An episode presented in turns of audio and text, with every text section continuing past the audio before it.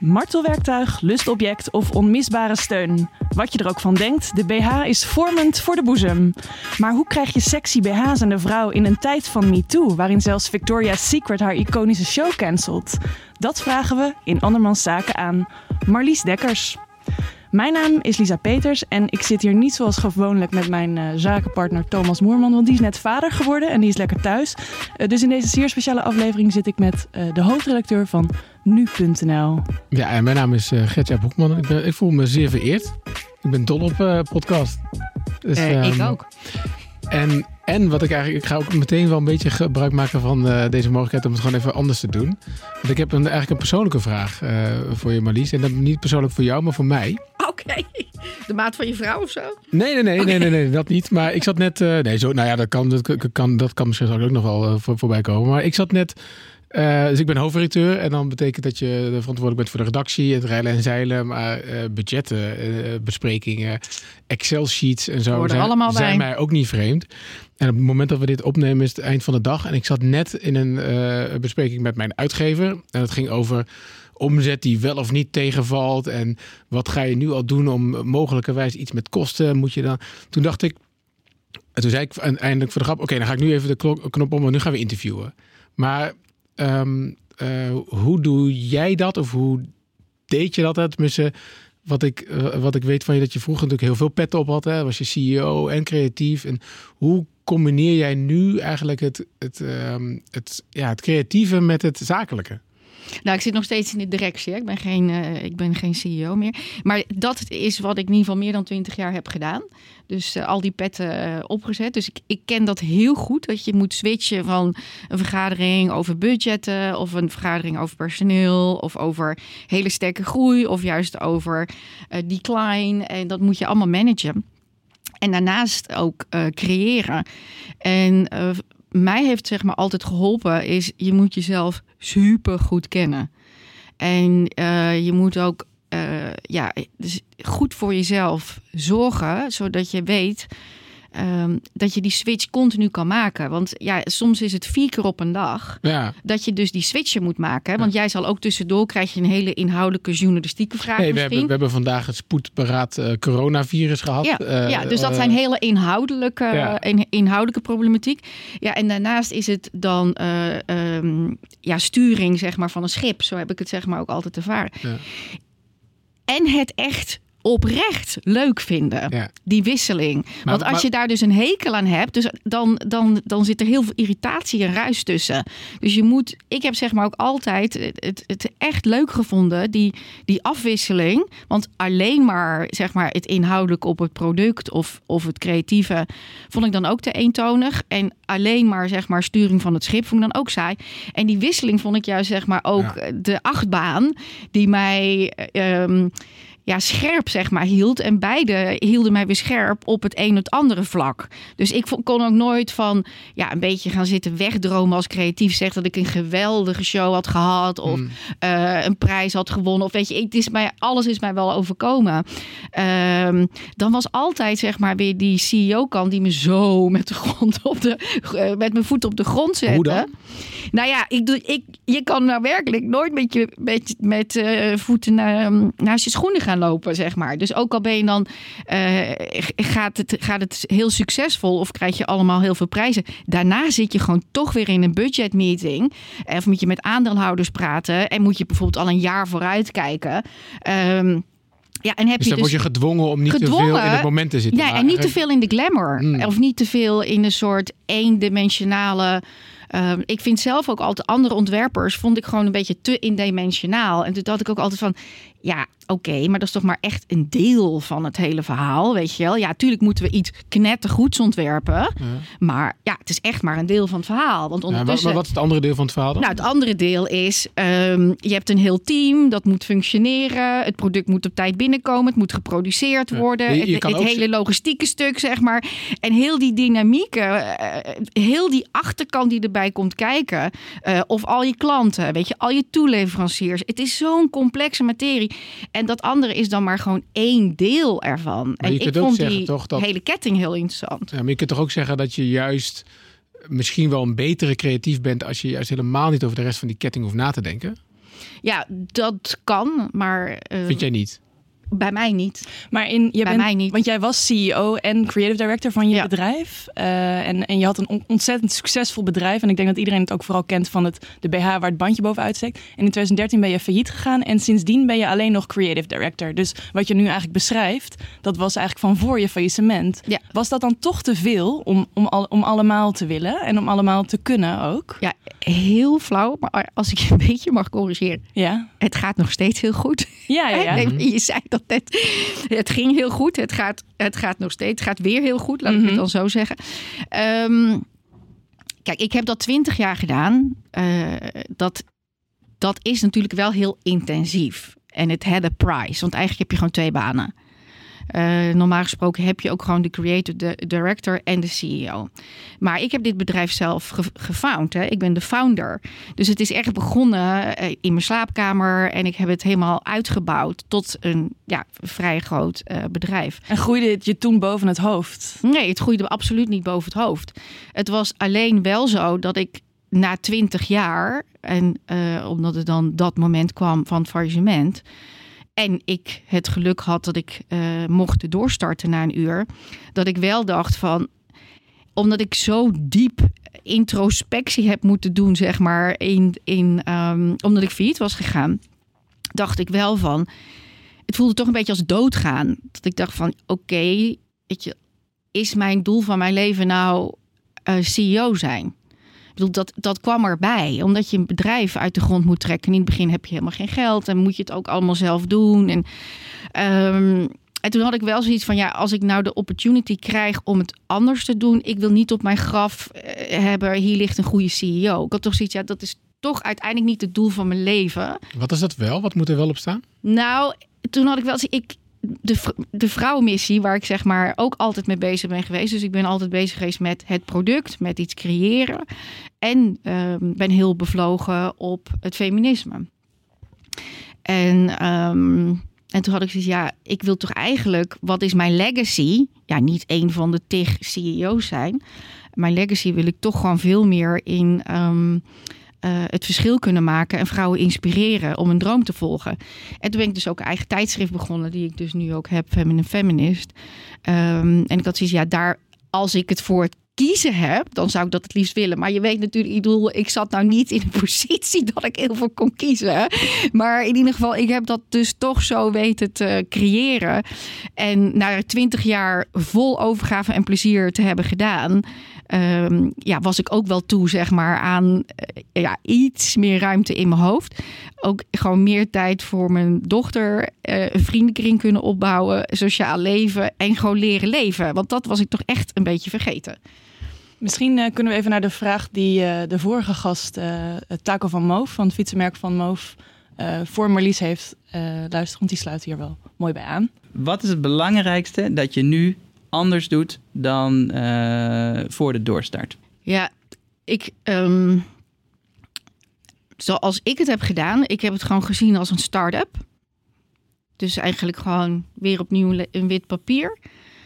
En ehm, ja, ik heb, me, ik heb me wel heel goed geïnformeerd met veel mensen. eh, Het zijn natuurlijk dan allemaal mannen die een doorstart hadden, hadden gemaakt. En allemaal gevraagd van, weet je wel, wat zijn de fouten? Ik heb, ik heb de cijfers bekeken. Nou, de grote fout is, eh, is toch eh, zachte heelmeesters maken stinkende wonden. Kan, Dus je, je kan je moet- daar een voorbeeld van geven? Nou, je moet dus ik, eerst even hoog over, want anders kom ik niet in mijn verhaal als het goed vindt. Je moet toch ehm, eh, iets waarvan je denkt dat was succesvol.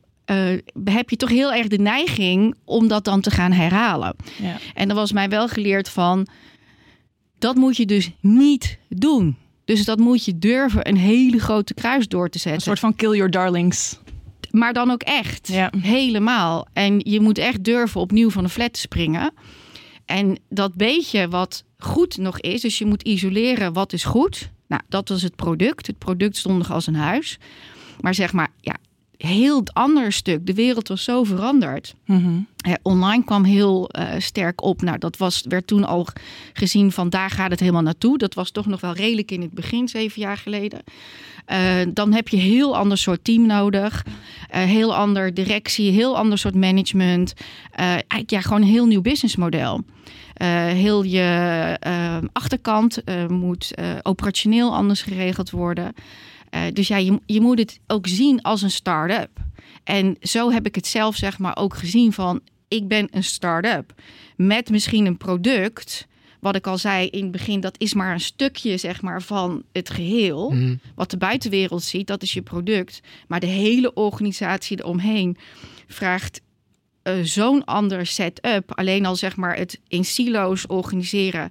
Nou, dat heb ik ook zeg maar weggedaan. Ik heb het, in, ik heb het veel meer eh, organisch zeg maar georganiseerd. Dus een heel nieuw businessmodel neergelegd. En dat was achteraf gezien vooral heel risicovlak daarna. Want ik had heel mijn MT niet meegenomen, de directie niet meegenomen. Dus eigenlijk Die, die vonden dat niet leuk, geloof ik, hè?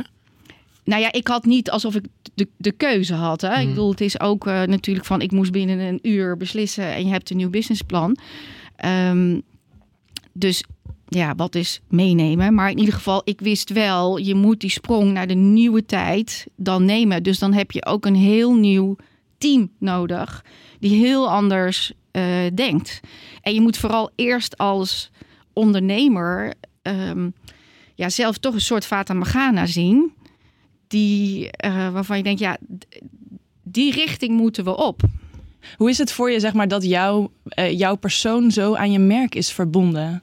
Ja, dat is, dat is part of the deal. Dus ook dit, dat vind ik verder dan ook helemaal niet een, een, een ding of zo. Weet je wel, dat ja, hoort er een beetje bij. Ja, Dat is, eh, ja. daar heb je voor getekend. ja, dat hoort, dat, dat, dat is gewoon part of the game. Maar mm, d- als ik goed begrijp, het faillissement klinkt ook wel een beetje als een soort van ehm, wake-up call of soort van nieuwe start waar je wel behoefte aan had. Of zo. Dus eh, je hebt het, eh, er zijn, je zegt zachte, eh heel meesters maken stinkende wonden. Dus dit was wel een soort van mooi moment voor jou om het weer helemaal opnieuw te doen, toch? Ja, eh, eh, ik ik vind het helemaal niet erg om over faillissement te praten. Maar gaan we heel de tijd over Nee, faillissement praten? Oké, want dan vind ik, ik, het is zeven jaar geleden. Ja. Dus nou, dat is, nee, maar deze podcast is natuurlijk voor ondernemers die willen dingen leren. ja, ja, oké, maar er zijn nog heel veel andere ja. dingen. Maar ik Nou- zal er antwoord op geven. Maar nee, nee, Ehm, maar mijn, mijn vraag is: ehm, hoe voorkom je zeg maar, als ondernemer dat je vervolgens daarna, want inderdaad, ik wilde eigenlijk die stap wel maken, we zijn nu zeven jaar verder, dat je weer in zeg maar de. De, nou, misschien wel dezelfde fouten maakt die je daarvoor hebt gemaakt. Hoe voorkom je dat? Nou, ik heb vanaf dat ik het eh, bedrijf heb opgestart, dus in de slaapkamer, heb ik tegen mezelf altijd gezegd, en heb mezelf ook altijd aan gehouden, van ieder vijf jaar moet je in principe bijna alles omgooien. Als, als standaard. En dan moet je in jaar drie al mee beginnen. Zo van, ja, is je team goed? Wat zijn je groeiplannen? Heb je daar de funding voor nog steeds? Eh, wat, wat is het eh, perspectief, nationaal, internationaal? En dan is altijd gebleken dat zeg maar bij jaar vijf je best een grote ingreep moet doen om de tijdsgeest zeg maar gewoon nog eh, te pakken en om als ondernemer nog adequaat bezig te zijn. Die zeg maar toen het misging, ehm, toen was mijn bedrijf had al best wel een grote schaal. Dus toen werd ik toch logger, zeg maar, om die draai, zeg maar, die ik iedere keer had kunnen maken. Zo ieder vijf jaar, hup, hup, we gooien het om. Mhm. Waardoor je heel flexibel eh, bent, op de tijd kan blijven zitten en accuraat. Nou, ik had toen al equityfondsen in, dus dan zitten er al aandeelhouders in. Dan wordt het allemaal wat logger. Commissarissen zaten erin. De tijd veranderde heel snel. We hadden toen de eh, kredietcrisis, eh, zeg maar in 2008, eh, online dreiging. En er kwamen toen dingen zeg maar, bij elkaar waar je in principe snel had moeten handelen. Ehm, sneller dan toen maar, lukte. maar, maar nu ga ik je verdedigen tegen jezelf. Want eh, ja, maar hoe voorkom je zeg maar, dat je die fouten nu weer maakt? Zeg maar? dus, want het is eigenlijk. Want aan de ene kant zeg je, oké, je moet jezelf dus scherp blijven houden. Dat je om de vijf jaar eigenlijk. Nou, dat je een beetje ja, agile blijft, eh, zo, zo gezegd. Tegelijkertijd, als je groter wordt. Nou Ja, dat geldt natuurlijk ook voor nu.nl, laten we zo zeggen. Dan wordt het ook lastiger om agile te blijven. Ja, maar ik denk toch dat het, dat het kan lukken. Want wat ik er heb van heb geleerd. eh, kijk, die, bijvoorbeeld nu het team die ik nu heb en de aandeelhouders die ik nu heb, die zijn veel flexibeler. Dus het is ook wel wie kies je, zeg Hmm. maar, als je dus een soort van ja, een vrij log equity fonds hebt, die, die is vooral heel erg op rapportage en die zijn minder flexibel. Uh, nu heb ik een fonds dat gewoon zelf zeg maar veel flexibeler is. Nou, waar ik mee zat, heeft daarna heel de retail mee gezeten. En Ja. allemaal, omdat het capex zeg maar vast zaten in de winkels, kon iedereen dat rondje veel te traag doen. Dus iedereen kon die turnaround veel te traag doen. Dus het is ook deels een tijdgeest. Deels ligt het bij, altijd bij de ondernemer natuurlijk, maar ook de tijdgeest. Maar het is vooral zorgen ook dat je een team om je heen houdt die ehm, dat je die flexibiliteit hebt. En in die tijd was natuurlijk allemaal, nou, capex, dus dat, dat is al je investeringen zaten Ja. vast in stenen. Ja. En eh, dat moest je aflossen aan de bank, waardoor zeg maar die hele branche super traag was geworden. Weet je wel? Dus je zat he- allemaal vast aan grote aflossingsbedragen. En de, de moderne tijd, weet je, met, met zo'n eh, e-commerce motor, eh, die heeft gewoon, die, ja, eh, Capex is nu de OPEX, weet je wel. Ja. Dus dat is een heel ander spelletje geworden, waardoor je toch mobieler bent. En Ik, is- ik moet even de domme vraag stellen. Capex, OPEX, wat bedoel je daarmee? Nou, het, dit? het zijn, dat is gewoon boekhoudkundig investeringen. Dus je investeringen, die, waar, waar zitten die? Eh, en vroeger Niet in zaten, stenen, precies. ja, ja. vroeger zaten die dus vooral eh, vast eh, in, in, in eh, de, de winkels. verbouwing van je winkels en in stenen. En dat is eigenlijk bij heel retail. En nu heb je een strak En die moet je gewoon allemaal aflossen bij de bank. En nu investeer je in eh, zoekmachines. En eh, eh, dus nu is het de Wij- wij investering, doen zeg maar, is, is nu wat je afschrijft in een jaar. In plaats van wat je over vijf jaar afschrijft. Wij, wij capexen ook wel, hoor. maar dan is het zeg maar, eh, de- de software kun je ook wel capexen. Ja, maar dat is Ja, dus- gewoon, dat is bijna ja. schattig ten Ja. opzichte van zeg maar de bedrijven die zo log zijn geworden. Ja. Eh, dus ik breng daarom het even naar Lisa toe. Dat, Ja, nee, dat is heel goed. En niet alleen mij, Ja, maar er hè? wordt die gewoon ge- laptop. Er zijn, er zijn meer mensen. er wordt gewoon de gecapext om je heen zonder dat je door Ja, ik Dat, ja, dat, ja. dat, Ik wil dat wil ook ik even capexen. zeggen. Ja, maar ja, het is voor ondernemers, Ja. zeggen jullie. Ja. Maar in ieder geval, Zeker. het is ehm, eh, je mobiliteit houden als tip. Dus is toch, weet je, wel, van hou jezelf fris. Zorg dat je eh, een goed team om je, om je heen, buiten je eigen management. Heb ik ook altijd, altijd gedaan dat je ehm, mensen hebt die met verstand van zaken, eh, die je kan adviseren. En ook durven je spiegel voor te houden. Ja. En, en wat ik zelf ook altijd fijn vind, mensen die best veel commissaarsfuncties hebben. Want dan die kunnen diep kijken in bedrijven. En die kunnen dan ook zeggen, ja, dit is nu echt aan de hand. Weet je wel, dan weet je van, ja, dat is niet alleen bij mij aan de hand. Maar dan weet je, oké, dit is het sentiment waar we nu met z'n allen in zitten. Mhm. Zodat je op tijd kan anticiperen als ondernemer. Van, ja, het, weet je wel, daar gaat het, eh, daar gaat het naartoe. Wat, wat moet Ik wil, zo, ik wil zo graag heel even door op de tijdsgeest die Marlies al een paar keer noemde. Eh, hoe het ook is om een lingeriebedrijf te zijn in een tijd waarin nou ja, dingen denk ik rondom lingerie wel veranderen. En, en de, de visie erop ook. Eh, maar ik wil eerst even naar eh, een goede vriendin van jou die we hebben gesproken. Beertje van Beers. eh, presentator ook. Ehm, en wij vroegen haar onder andere hoe zij jou zag. En zij had ook nog wel een interessante vraag voor jou. Waarvan ik heel benieuwd ben naar je antwoord.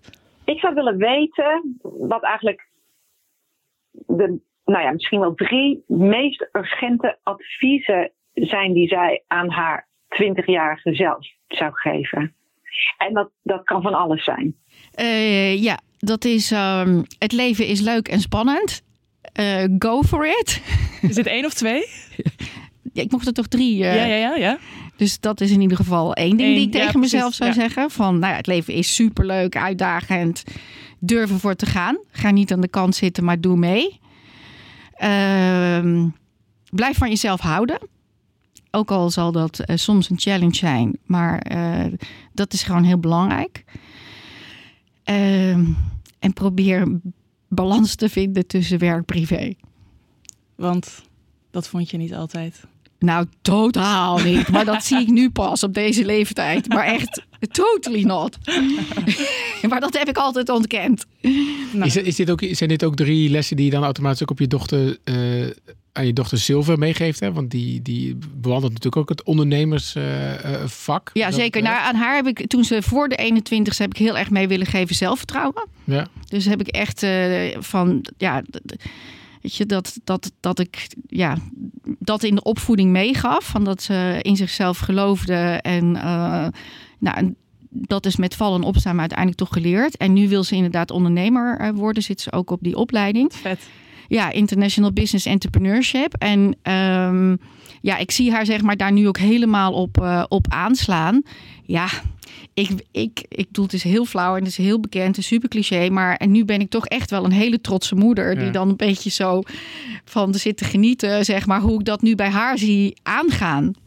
Ik, ik ga proberen een uh, vraag te stellen. Die, uh, ja, ik, ga, ik ga proberen een vraag te stellen. Um, ik las een interview met haar in het FD. En de eerste uh, zin van dat stuk was: Mijn moeder was altijd aan het werk. Ja. Um, nou, kom ik zelf uit, een, uit een dorpje in de buurt van Zwolle. En daar was het heel gewoon hè, dat, dat moeders thuis waren. Ik had ook heel veel vrienden. Als je dan na de basisschool thuis kwam, dan zat die moeder daar met thee en koekjes.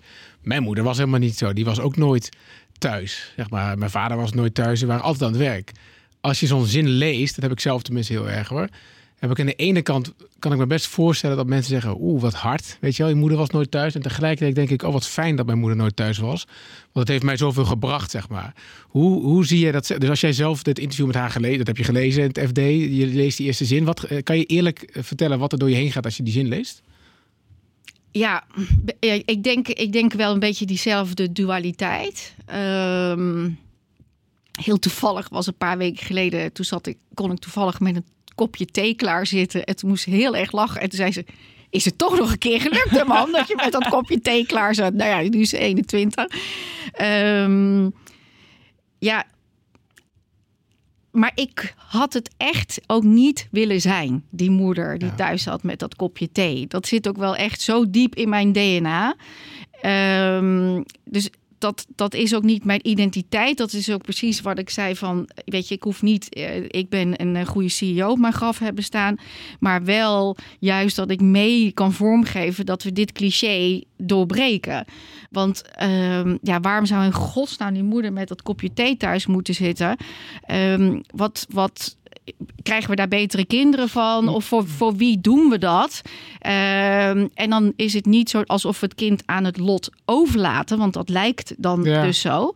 Ehm, maar er zijn, en dat heb ik ook gedaan, en misschien is dat in jouw geval ook. Er zijn natuurlijk allerlei andere manieren om het toch gewoon goed te regelen.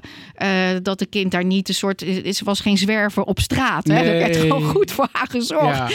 Ja. Um, ze heeft een hele goede band ook met de vader kunnen opbouwen. En ze heeft uh, en ik heb ook een hele goede band met haar. Maar ik heb ook helemaal geen zin in, want ik zit hier volgens mij te, eh, in een hok met twee feministen. Ik wil het ook niet per se hebben over zeg maar de moederrol. Hè. Het, gaat, het ging in dit geval over jou, omdat jij natuurlijk bekend bent. Um, laat ik het dan nog, nog een beetje eh, persoonlijk bij mezelf houden. Kijk, ik ben een vader, ik heb twee jonge kinderen. Um, ik heb wel eens in de, in, de, in, de, in, de, in de speeltuin gestaan, terwijl er een aanslag uh, ergens werd gepleegd, dat ik daar zat te bellen. Ja. Dus allemaal kleuters, dat ik me toch een beetje treurig voelde. Ja. Want ik dacht van, joh, laat het los. Spendeer gewoon die aandacht aan het kind, zeg maar. Ik hoef ook niet op mijn graf te hebben staan. Uh, wat was Gertjaap een goede hoofdredacteur? Als ik zou ja. moeten kiezen, had ik liever gehad dat er staat... Uh, Gertjaap was een goede vader, snap je? Ja, ik, ik, ik, ik, zou, ik, wil, uh, ik wil ook heel graag het label krijgen van... en het brevet van ik ben een goede moeder. Maar ik verveel me echt heel erg bij een speelplein. Dus ik heb het bijvoorbeeld echt, ik denk twee keer gedaan. Ja. En dat ik echt dacht, ik snap heel dit concept niet. Dit is ja. gewoon niet voor mij gemaakt. Ik werd er zelfs soort heel down van. Dat ik daar. Dus ik, je ziet ook al die mensen op hun telefoon en zo. Het is ook best wel. Een, ik dacht dat er ja, heel veel werd geflirt op, uh, op, op schoolpleinen. Nou, mij, nou ja, in ieder geval, toen was er. Toen was dat telefoongedoe was er nog niet. Toen Zilver klein was. Maar ik kreeg daar echt een soort mega meltdown. Dat ik dacht van, nou, ik, weet je, ik, ik kan het dus ook gewoon niet. Weet je, de een is daar beter voor gemaakt ja. dan de ander. Dus ik vind ook van, ja, je moet ook gewoon eerlijk zijn. Wat, waar, wat, wat ik al eerder antwoordde. Je moet wel heel heel goed weten wie ben jij. Ja. Weet je, wie ben jij zelf? En dat is een ondernemer, dat is een leiding geven, maar ook als vader of moeder. En ja, en sommige clichés passen wel en sommige clichés passen niet bij jou. En als je daar uh, gewoon ook maar eerlijk naar bent binnen je gezin en naar je kind toe. Ik heb heel veel vrouwen voor mijn tijdschrift geïnterviewd over heel de wereld. Die hebben het allemaal niet gedaan volgens het cliché. Hmm. Maar die, die, die hebben het wel allemaal goed gecommuniceerd met hun kinderen. Het goed geregeld. Nou, volgens mij zijn dat hele toffe moeders en hele leuke kinderen. Alleen ook super belangrijk is de andere helft. Ja. dus wij kunnen wel uh, dit doen. Maar ja, je moet ook een partner hebben. Of het nou een man of een vrouw is. Hmm. Maar in ieder geval dat je er met elkaar het goed kan regelen. Dus het feminisme is ook zo bedoeld voor mannen. Dus dat mannen gaan zeggen, ik ben jij. Jij zegt, ik zit hier tussen twee feminisme. feminisme. Jij bent hopelijk ook een feminist. Weet je wat? Feminisme is gewoon het regelen uh, dat uh, vrouwen gelijke kansen krijgen als mannen. Nou, dat kan alleen maar, hè, dus ook voor je kinderen, dat kan alleen maar als het met elkaar als samenleving, man-vrouw, het goed regelen. dus nu is er ook uh, diegene die mij normaal zou interviewen, die heeft lijkt ja, zwangerschapsverlof. nou, dus dat is ook ja. niet drie dagen, nee, die is er ook langer uit. Absoluut. Nou, dat zijn, dat zijn ook uh, stappen die we met elkaar maken. Die, die dus, ja, nee, maar dat, dat vind ik ook. Dus we veranderen met elkaar die samenleving van ja, hoe kunnen we de dingen doen? Uh, het is ook niet meer alleen maar zo dat die vrouw altijd kookt. Ik, ik ken steeds meer vrouwen die zeggen ja, ik kan niet koken hoor. Weet je, dus dat is ook zo'n cliché van ja, altijd bij aan de vrouw geplakt. Hey, en in, maar, het, in het kader van het feminisme, jij zegt ik ben feminist, ook uitgesproken. Het is ook je missie. Uh, tegelijkertijd kan ik me voorstellen dat het voor veel mensen lastig te rijmen is met het hebben van een lingeriemerk. Voor jou is dat volgens mij niet een, een, een, tegenstelling. Hè? Dat, dat heb jij eigenlijk verenigd in je merk. Nou, daar moet je in ieder geval wel over nadenken als je begint. Ja. Dus toen ik zo 7, 7 28 jaar geleden begon, toen, moest ik, toen was het wel zoiets van dat ik, denk, dat ik dacht, ja, hoe kan ik nou, weet je wel, um, um, seksueel getinte dingen maken, wat lingerie heet, en ook feminist. Ja. En zeker in die tijd, dat was toen nog de tweede feministische golf. Nou, daar heb ik ook heel wat tomaten voor over mijn hoofd gekregen. Die waren daar absoluut tegen, want die vonden lingerie per definitie voor vrouwen. Mm -hmm. uh, voor mannen om hun lust op te wekken. Precies. En uh, dus als je dat maakte, dan kon je zeker geen feminist zijn. En ik vond dat sowieso wel een heel interessant vraagstuk. Dat ik dacht, hmm, iets wat eigenlijk voor de vrouw is. Mm -hmm. uh, dus dat dat dan weer geclaimd wordt door de man. Waardoor die vrouw er eigenlijk geen mening over kan hebben. En dat je dus per definitie dan geen feminist bent. En die gekke omdraaiing hebben we wel vaker gehad. Dus de tweede feministische golf, ik vind dat die heel goed werk hebben gedaan. Maar die vonden ook van, als je goed feminist was, dan ontvrouwde je jezelf. Hè? Dus je deed je haar kort knippen, geen BH. Uh, en zo seksloos mogelijk. Nou, ik bedoel, dat was een heel sterk symbool. Want tot op de dag van vandaag associëren we dat nog met feminisme. Uh, maar ik zou het anders invullen. Dus ik heb zoiets van, ja, je kan voor gelijke rechten zijn, toch van je vrouwelijkheid houden toch van je eigen seksualiteit houden. Uh, dus voor mijn gevoel hoef je dat allemaal niet een soort af nee. te doen. Nee. En ik heb meer is er iets van ja, maar de vraag die ik veel interessanter vind is niet wat vindt die man. Nou, oké, okay, dat is dan moet iemand anders zich maar mee bezighouden. Maar wat wil zij? Wat wil dat vibe? Weet je, en dat weten we gewoon niet. En daar zitten we nog zoveel rondjes lopen we achter. Ik Hoe bedoel je dat weten, weten we niet? Nou, we weten niet heel goed, weet je al. Wat... Ik weet best wel wat ik wil. Ja, maar we weten toch niet zo heel goed onze erotische fantasieën. We weten niet zo goed onze eigen seksualiteit. We weten niet goed hoe we ons verhouden tot een aantal dingen. En zeker zeg maar tot lingerie. Daar raken ja. we heel snel in de war. Wat nu dus weer gebeurt na want dat, MeToo. Want dat, dat grote lingeriemerk uh, Victoria's Secret... die heeft ja. zijn iconische show eigenlijk gecanceld... omdat het Ja. niet meer zou passen in de tijdsgeest. Nee, er zullen wat meer redenen zijn. De, de verkoopcijfers zijn Kijk, ook cijfers waren ook aan het dalen. Ja. Nee, precies. En er was ook veel kritiek op... dat het inderdaad voor- alleen maar voor mannen zou zijn. Eh, Ja, maar het is toch wel. eh, kijk, je hebt aan iedere feministische is lingerie gekoppeld. Dus de eerste was aan eh, het corset. De tweede verbranden van de BH. De derde vind ik het corset van Jean Paul Gaultier. De tour van de Blonde Ambition Tour van Madonna. Met die punten, dus de, de borst als wapen, zeg maar. Eh, en, en nadat hij eerst, zeg maar, de borst als de, de, de BH was verbrand en daarna als wapen terug. Dus toen kwam de vierde naar me toe en ik had echt zoiets, nou oké, wat gaat het nu worden? Ik heb bij jou, op jouw website heb ik een BH gezien met mouwen. Ja, dat is, eh, dat is, Is dat hem? Nee, nee, nee, nee, nee, nee, nee, nee. Dat is, dat is, dat is een creatieve eh, invulling. Oh, oké. Nee, nee, de downfall van Victoria's Secret. Oh, dat is echt de vierde. Ja. Dus het is altijd aan lingerie gekoppeld. Dus je ziet, het is eigenlijk op, op het moment dat er een feministische golf is, zit die altijd gekoppeld aan lingerie. Dus het is een, een plek waar we ons niet veilig voelen. En daar dus een uitspraak dan doen. Dus door, of door te verbranden, of door te zeggen dat corset werkt niet meer, of door onszelf helemaal te empoweren. Of zeg maar een hele industrie te rejecten. Merk jij dit? Merk jij dat? Een, een rejection van, van Nou ja, jouw waar- merk bijvoorbeeld? Of van Eh, de industrie? Van de industrie zeker. Ja. Kijk, ik, doe, ik ben vanaf dag één, zeg maar, heb ik die feministische message gehad. Maar een Victoria's Secret niet. Ja. Die heeft altijd die handkusjes. Die heeft nou echt het cliché van de vrouw als lustobject bedoeld voor mannen te plezieren. Dat hebben zij heel groot gemaakt. Eh, dus ik bedoel, zij zijn iconisch in dat antifeministisch standpunt. Dus waar de feministen mij zeg maar op judgen, Ja. dat waren zij zeg maar echt, hebben ze Ten voeten uit. ja, maar op een, op een eh, podium gezet. Geëxploiteerd. Echt Ja, geëxploiteerd. En het fascinerende was dat ik bedoel, ik heb al jaren dat ik aan vrouwen vraag: is dat nou niet een beetje seksistisch? Hoe kan je dat nou toch goed vinden? Ja, en ook vrouwen, jonge vrouwen, dingen. Ja, nee, vind ik echt goed. Victoria's Secret, dat is echt goed. En in één keer verandert de tijd, dan vallen de schellen van de ogen. En dan in één keer zie je het met een andere bril. Ga- En dan is het in één keer van, what the fuck? En daar zijn zij iconisch voor. En iedereen trekt het er vanaf, het Ja. handen vanaf. maar ga- gaat het dan om de, de marketing en de manier waarop ze het doen? Of gaat het ook om het product zelf? Ja, het, het, is een movement. Dat is iedere keer geweest, weet je wel. Dus het is iets iconisch, zoals ook het corset geweest Nee, is. en ook het, het verschil zeg maar, eh, het verschil van eh, Victoria's Secret en, en Marlies Dekkers bijvoorbeeld. Dus jouw eh, producten. Is het verschil wat jou zeg maar wel feministisch maakt en hen niet, is dat, is dat ook in het product en in het ontwerp? Of is dat ook gewoon om de hele circus eromheen? Nou ja, je, je, je krijgt in ieder geval vrouwen zoeken hoog over iets iconisch. En het is, eh, het is een onveilig gevoel. Dus vrouwen voelen zich onveilig.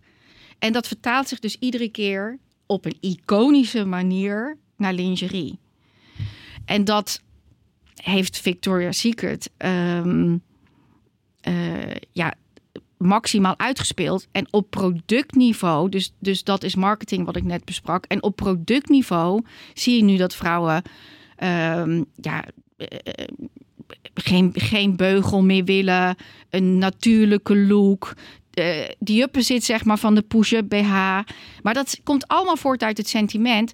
Het moet neutraal worden. Dat gebied, hè, borsten, billen, moet neutraal gemaakt worden. Ja, En dan is de rest allemaal uiting. Maar dat is de dieperliggende psychologie erachter. Het mag niks uitstralen wat je als dat- vrouw niet wil dat, dat, uit, dat je dat uitstraalt. Ja, oké. Is dat je definitie van neutraal? Want je zou kunnen zeggen, je wil als vrouw misschien juist wel dat het iets uitstraalt. Namelijk, ik, eh, ik ben sexy of zo, weet ik veel. Dat, eh, Ja, maar dat zag je dus in de jaren 90s. Hè, was greed is good, hè, was zeg maar toen. En toen was ook hard bodies, eh, de push-up BH.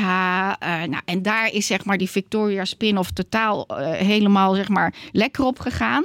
En nu zie je die opposite van de jaren 90s greed is good. Eh, ja, je ziet natuurlijk weet je, allerlei soorten bewegingen, de, de aarde, CO2-probleem, blablabla. Maar in ieder geval, het vertaalt zich dus ook in de categorie ehm, na MeToo dat vrouwen zich niet veilig voelen. En dan is er altijd een symbolisch. Kijk, die BH is ook maar misschien vier plaatsen verbrand. Maar het gaat wel om het dieper sentiment. En dat vind ik altijd wel interessant. Dat het zich altijd vertaalt, zeg maar, op eh lingeriegebied. En nu heb- je net eh, eh, je, je, je show gehad. Hè? Dus je, ben- ik weet niet hoe dat dan werkt. Hoor. Ben je, zijn jullie nu alweer volop bezig met eh, zeg maar, collectie van volgend jaar en zo? Eh, We hebben altijd met zes collecties ja, tegelijk hoe, bezig. hoe zeg maar, laat jij je inspireren door, door, door MeToo? Of weet ik veel. Ik, ik, ik viel me op op Twitter bij je drif- driftig Harvey Weinstein artikel aan het retweeten en zo. Is dat iets wat je meeneemt ook in het creatieve proces?